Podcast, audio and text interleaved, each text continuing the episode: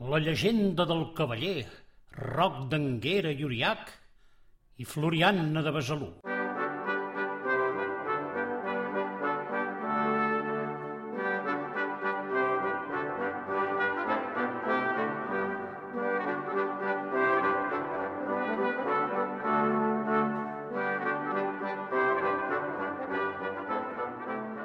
Aquesta és la vera història del cavaller Roc d'Anguera i Uriac, un cavaller que fou reconegut i admirat per les seves gestes. D'ell s'expliquen històries fabuloses. Fins i tot els trobadors i joglars, quan era temps de trobadors i joglars, cantaven les seves aventures. Però per sobre de totes elles, aquella que parla del seu gran amor. Heu de saber, doncs, que el cavaller Roc d'Anguera i Uriac era molt estimat, i les donzelles en veure'l passar quedaven corpreses per la seva gentilesa. Ell, però, només n'estimava una de donzella, Floriana de Besalú. I ella, ai, ella, poc cas que li feia, i no pas perquè no li agradés el formós cavaller, sinó perquè el seu pare havia jurat que mataria qui volgués seduir o pretendre la seva filla.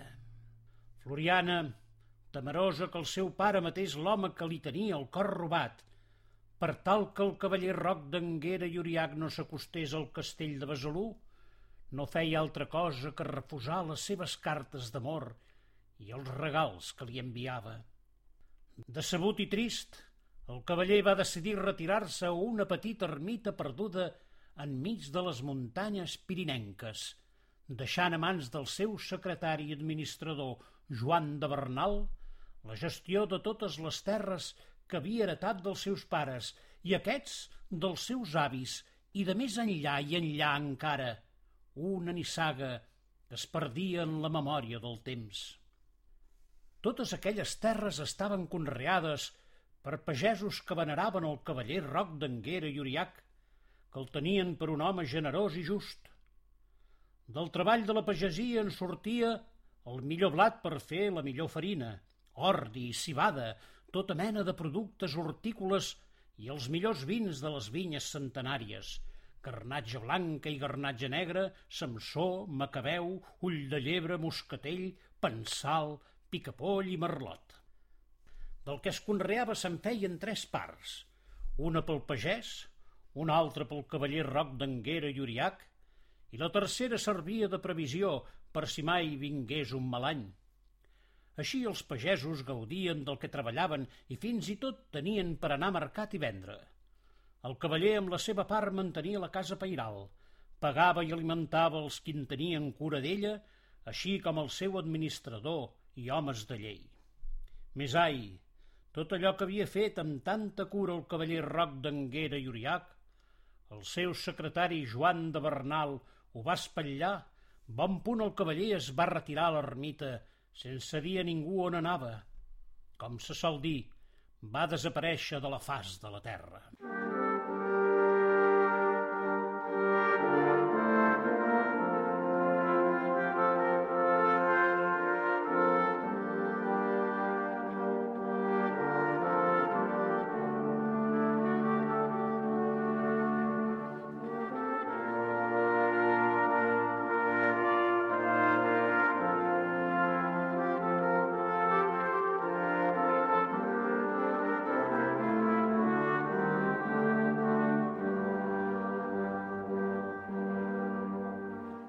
Aviat la pagesia es va revoltar contra el cavaller, potser es pensaven que se li havia girat el cervell. Pocs sabien que s'havia retirat per penar pel seu amor i que el responsable del desgavell era el seu secretari i administrador, Joan de Bernal. Ben aviat, la notícia de les revoltes a les terres de Roc d'Anguera i Uriac va arribar a les oïdes de Floriana de Besalú, i sabent que ell era el motiu i la causa del per què el seu cavaller havia abandonat els seus deures i havia desaparegut, va demanar al seu pare, el rei Arnal de Besalú, que anés a paivagar els ànims de la pagesia. Mentre ell apenava i maleïa cent cops el desaire que havia fet el seu estimat i aimat cavaller. El rei Arnal, però, lluny d'atendre els pregs de la seva filla, va aprofitar la vinentesa per quedar-se a les terres d'Anguera i Uriac, escampant entre la pagesia que ell restituiria allò que suposadament el seu senyor els havia otorgat i ara els era arrabassat, és a dir, el terç del condomini ben entès, no pas com altres senyors que reservaven la part més fèrtil de les seves terres. Prou sabia el rei de la mort de la seva filla pel cavaller Roc d'Anguera i Uriac i va pensar que d'aquesta manera aconseguiria que ella se n'oblidés. Florian, aleshores, va prendre un determini. Si no podia casar-se amb el cavaller Roc d'Anguera i Uriac, no es casaria amb ningú altre i, decidida, va demanar a un druida que li proporcionés un verí que li donés una bona mort. Endebades foren els pregs dels qui l'estimaven i la tenien per una gentil donzella de cor net i generós. Algú va dir que calia buscar el cavaller Roc d'Anguera i Uriac i posar-lo en alerta del que passava, però ningú no sabia on era reclòs penant d'amor. Veus malicioses deien que s'havia estimbat del cim més alt de les muntanyes, embogit pel seu impossible amor potser. D'altres, que havia embarcat i ara vivia en terres de l'Orient. Tot plegat, mentides. El druida de nom Grisel Malvell va dir a Floriana que no li calia morir, sinó que només ho semblés, i que deixés escrit com a darrera voluntat ser enterrada en una petita ermita pirinenca. Tothom sap que la darrera voluntat d'un difunt és de deure compliment.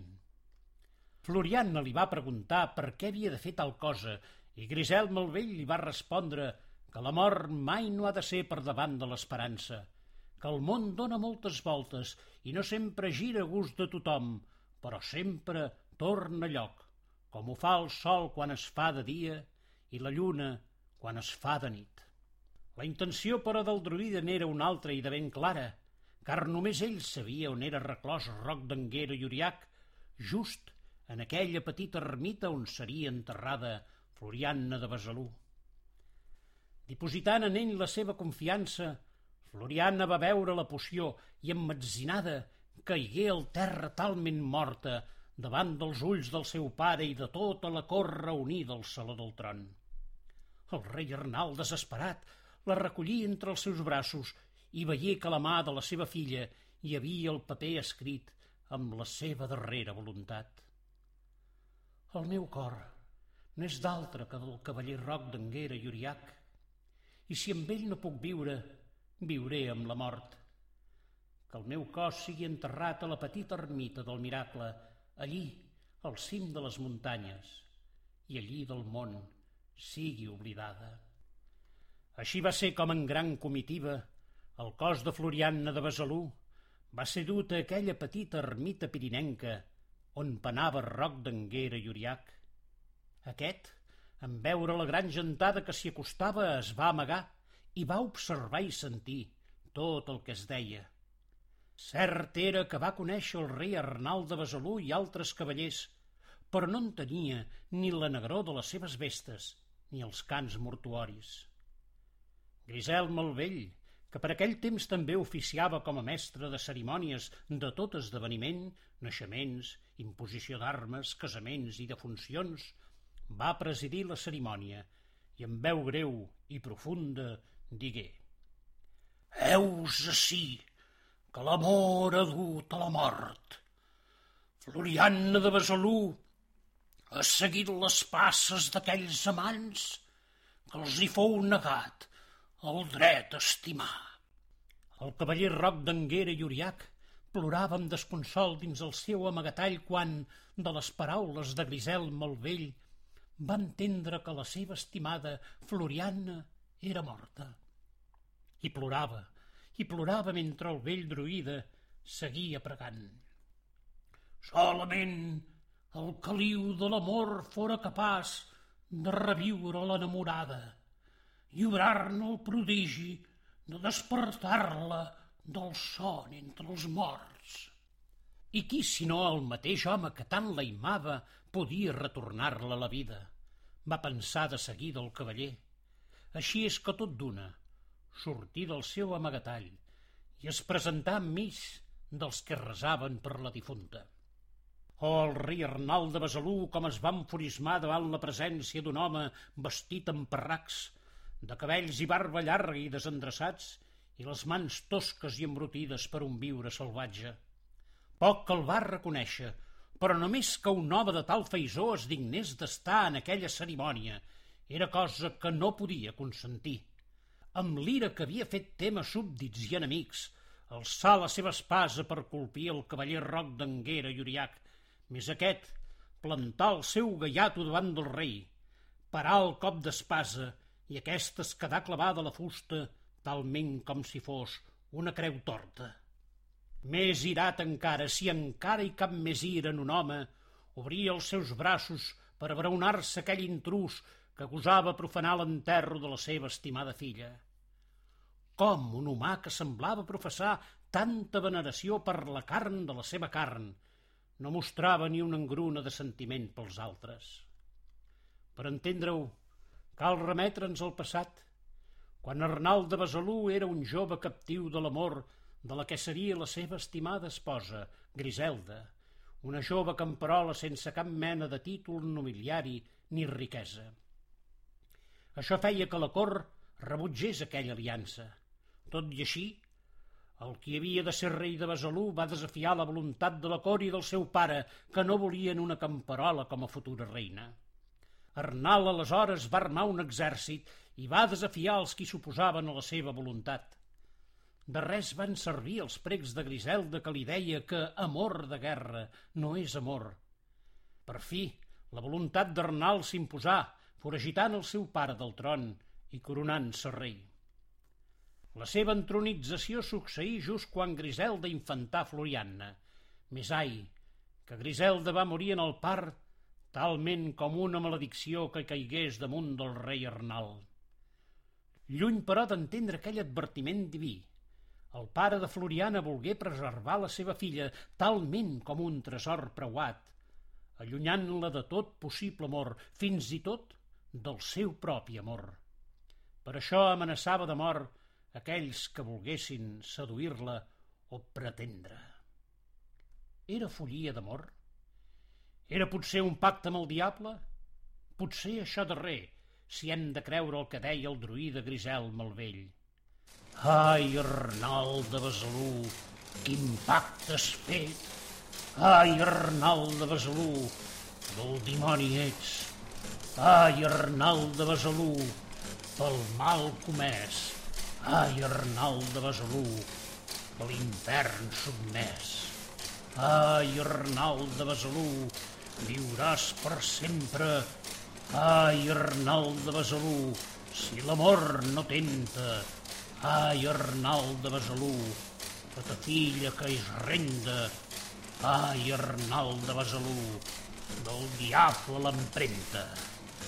Ai, Arnal de Besalú, el teu pacte infernal.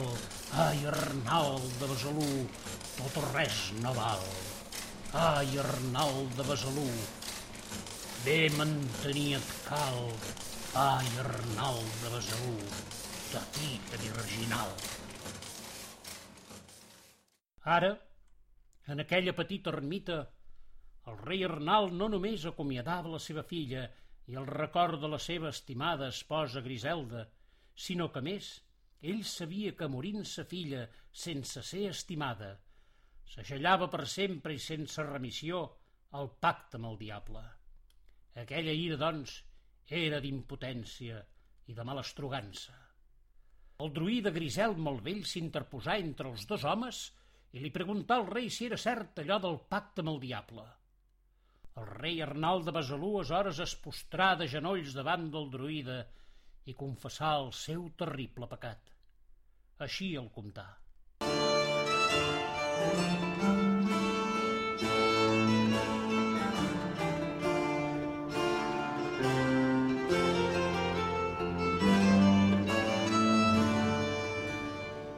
Just quan m'asseia el tron reial, vaig assabentar-me de la mort de la meva estimada esposa.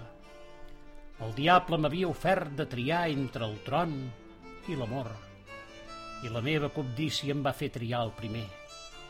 i havent-lo aconseguit, el diable em va rebassar l'amor de la meva vida, Griselda. Aleshores vaig entendre que si mostrava amor per la meva filla, també me la rebassaria i fins i tot em fora rebassat tota cosa on jo hi posés amor.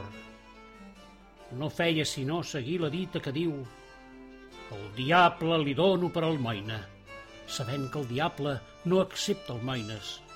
Per això he esdevingut un rei dèspota i cruel, incapaç d'amar.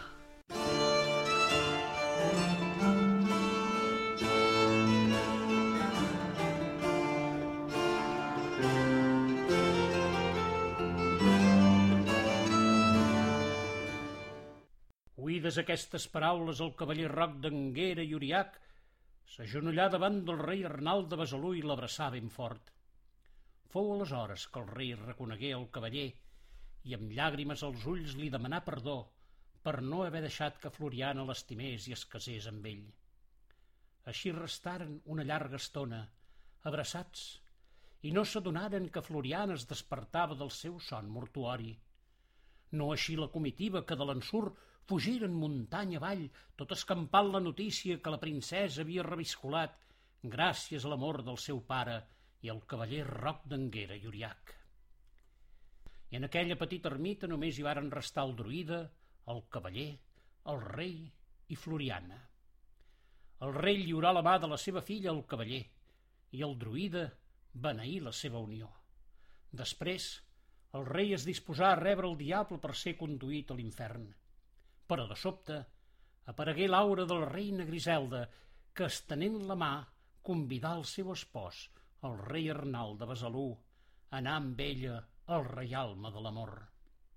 Endebades foren les reclamacions del diable, tot recordant-li el seu pacte. Però el druida de nou s'interposà tot dient «Fuig, diable, de l'amor sincer! Fuig, diable, de l'amor verdader! Fuig, diable, que l'amor et venç! Fuig, diable, d'un amor etern. I la terra engolí el diable i la llum s'endugué Griselda i Arnal.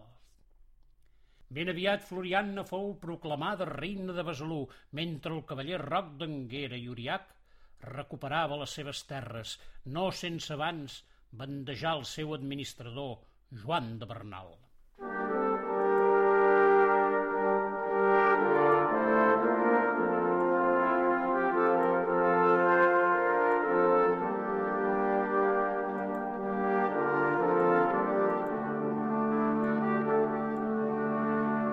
Tots dos enamorats explicaren tantes vegades com els fou demanat per la gent llur història, que ben aviat esdevingué romans cantat i contat, com ara jo us l'he contat, per trobadors i joglars.